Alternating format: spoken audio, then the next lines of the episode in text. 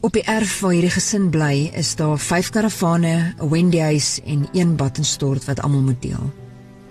Die karavaan is stikkend. Dit reën in en mif. Alg en iets wat soos boomwortels lyk, groei in die badkamer en stort se muur. Madeleine het voorheen as baalady gewerk, maar toe verloor sy haar werk as gevolg van haar gesondheid. Die gesin het alles verloor. Hulle bly die afgelope jare in hierdie karavaan met die stuk tent aan. Net voor lockdown het sy weer 'n werk as baalady gekry, maar met die inperking sy weer haar werk verloor. En so het hulle agtergeraak met die karavaan se huur wat R100 per dag is. Haar verloofde, Dani, is 'n karwag. Hy kon eers in die middel van vlak 4 weer begin werk, maar net 3 dae per week en teen tussen 50 tot 100 rand per dag. Hulle sukkel om te oorleef.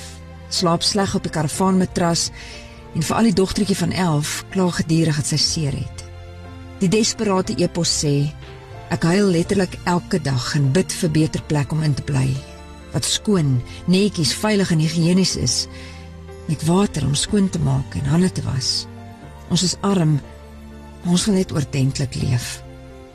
Kan julle ons asseblief help? Ek het by Twisters Pretoria Noord gewerk. Toe gaan en ons het by Permit gebly in 'n twee slaapkamer woonstel, my eie erf, groot erf en alles met my hondjies en alles. Jou salaris was goed en jou jou verloofde op daai stadium toe nou nie werk nie. Hy het nie gewerk nie. Ons het gesurvive. My salaris 'n week was tussen ek het weekliks spyt gekry tussen 800 en 1002 'n week. Partykeer mm -hmm. meer. Toe draak ek siek en toe sê die werk ja, ek moet nie meer daar werk nie omdat ek siek is. En toe my werk verloor, toe verloor ek ons blyplek op die plot. Toe gaan bly ons in 'n toe kry ons 'n kamertjie in Petronella toe kry hy die karwag werk daar waar hy nou werk. Want dit is altyd werkloos. Hmm. Toe sê ek vir ons, kan jy nie nou hier betaal met hulle het ons 1000 rand dan per uh, Petronella gevra vir die kamer. Toe hoor hy by sy supervisor hier's 'n karavaan oop. Toe kom ons hier na toe, sê ons kan nie intrek maar ons eider 2 en 'n half betaal of 100 rand 'n dag. Toe sê hy werk se karwag soos 100 rand 'n dag. Dit werk hy 3000 rand 'n maand. Ja. En toe het ons nie geld om dit ons net bietjie klere gehad en dit ons in die kar gehad het en ehm uh, toe sê ons vir mense die plot ons het nie nou geld om die goed te gaan haal op die plot nie meubels en ja hulle so kan julle dus net ons na ons ons het drie honde so hulle dus na ons honde kyk en ehm um, na ons goed kyk tot ons geld het om dit te kom haal dan sodra uh, daar nie genoeg geld het so ons julle die huur betaal en vir die versorging van die ehm um, honde Hulle sê is reg. Na 'n maand daarna 'n ander vrou wat ook op op die perseel bly. Ehm um, loop ek eendag hier in die noord raak. Sy sê vir my hulle die landlot het my kamer oopgebreek. Hy het al my goed uitgehaal, my goed verkoop. Hy het al my papiere goed, my foto's en alles aan die brand gesteek want hy wil die kamer uitvuur. En hulle het my hond vergiftig. Hulle het my kind se hond gevat en ons bekennies is vermis. Ja. Toe sê hulle ja, toe bel ons hulle, toe sê hulle hulle ons sal nooit ons honde terugkry of ons goed nie. En ehm um, hy mag dit nie doen. Ja, en my hond is is dood. Dit ons hier gebly en ons het niks anders gehad nie. Net ons klere aan ons lyf en 'n sak klere. En uh, toe ons by die kerk begin aansluit, en toe hulle vir ons die banke gegee en die, en die diepvries en plan gemaak vir die wasmasjien. Toe ons hier rukkie gebly, toe kom toe begin hy toe gaan daar nie min geld maak. Hmm. Toe ons ons was dink 'n amper 'n maand agter. Hy maak omtrent tussen 50 en 100 rand 'n dag. Omdat ek bloeddrukprobleme het en en ander gesondheidskwale wat ek besig is met die toetse, sukkel ek om 'n werk te hou. Ek het nou onlangs het ek as 'n skoonmaker werk gekry by 'n vrou hier in die noord. Maar toe kom sy agter ek begin opgooi en ek hoes, toe dink sy ek het COVID-19, dis is my goed. Ek moet jy my skoon gemaak het. Ja. Sy sy sou my 3 en 'n half betaal het vir 'n maand. En eers in level 4 toe hy eers weer terug gegaan werk toe, toe kon hy eers vir my permit kry. En ons ons raak al meer en meer agter want omdat ons nie kan byhou nie. Ons sukkel ja. om te oorleef.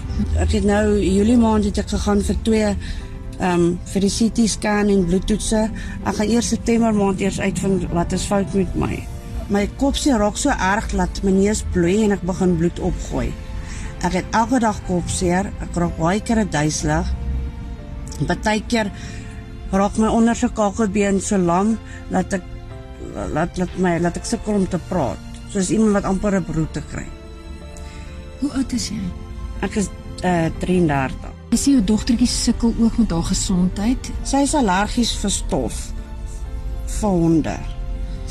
En 'n hele paar ander goed. Is daar is aan as sukkel om asem te haal. Hier is baie grond en stof. Ja. Die plek die honde kom hier in, hulle hoenders kom hier in. Al sip jy om toe hulle maak 'n spotte aankom. Ek moet elke dag met die goed die optel en skoonmaak vir die rotte en die ander deurkom. Die rotte van onder die karavaan buitekant kou hulle deur die karavaan al. Maar kos op hotplate en in die begin het ons 'n ou hotplate gehad wat die krag laat trip het. En ja, En hoe kom jou dogtertjie by die skool? Sy ry met 'n sy ry saam met pappa tot by sy werk en in die laai die skoolbus ja daar op en hy laai haar daar af. Ons het nie eers vir haar geld gehad vir skoolklere vir die winter nie. Die um die skoolsuster het uit haar eie sak het vir my kind skoolklere gekoop. Ek het dit nie eens geweet nie. Hoeveel vir wat slaap jy? Ek slaap hierso. Slaap jy binne? Ek het nog gehoor jy sê vir die tannie is dit vuil die rotte poef is baie rotte wat poef hier. Sy so, gister het ons hier baie rotte poef gekry, nee ma. En sy het tannie mis jy die skool? Baie. Is dit wanneer weet jy al wanneer jy kan teruggaan? Nog nie. Nee. Wat is jou gunsteling vak? SW. Hoekom? Hoekom hou jy van SW? Wat leer jy daar wat interessant is? Oor oor Titanic. Oh. En ek het 'n meneer. Dis die enigste meneer wat ek het. Dis ek is goed in in ek is baie goed in uh, wiskunde. Verskriklik. Vertel bietjie hoe goed. ek kry dink 87%.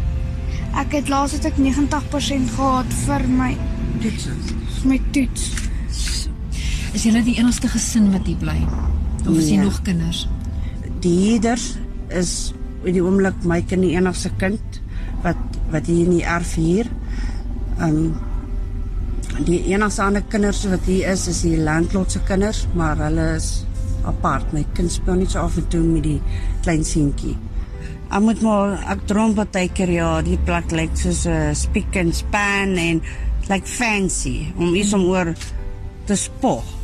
Ek kry skaam hoe ek nou lewe. Ek was ek het al swaar gekry. Ons het al swaar gekry ons lewe, maar ek het nog nooit in sulke omstandighede gebly nie. Ons jou mense my mense projek het my geleer om in ongemaklike plekke in te stap.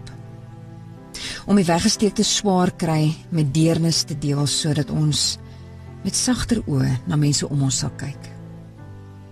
Om langs hierdie ma in haar tent te sit, haar droom vir iets fancy te hoor en saam met dit die hartseer oor haar haglike omstandighede wat sy ook nie gewoond is nie om 'n klein gebare van 'n paar sakkies kariniersware te wys dat ons omgee. Al het ons nog nie die oplossing of antwoord waarvoor hierdie gesin so hoop nie.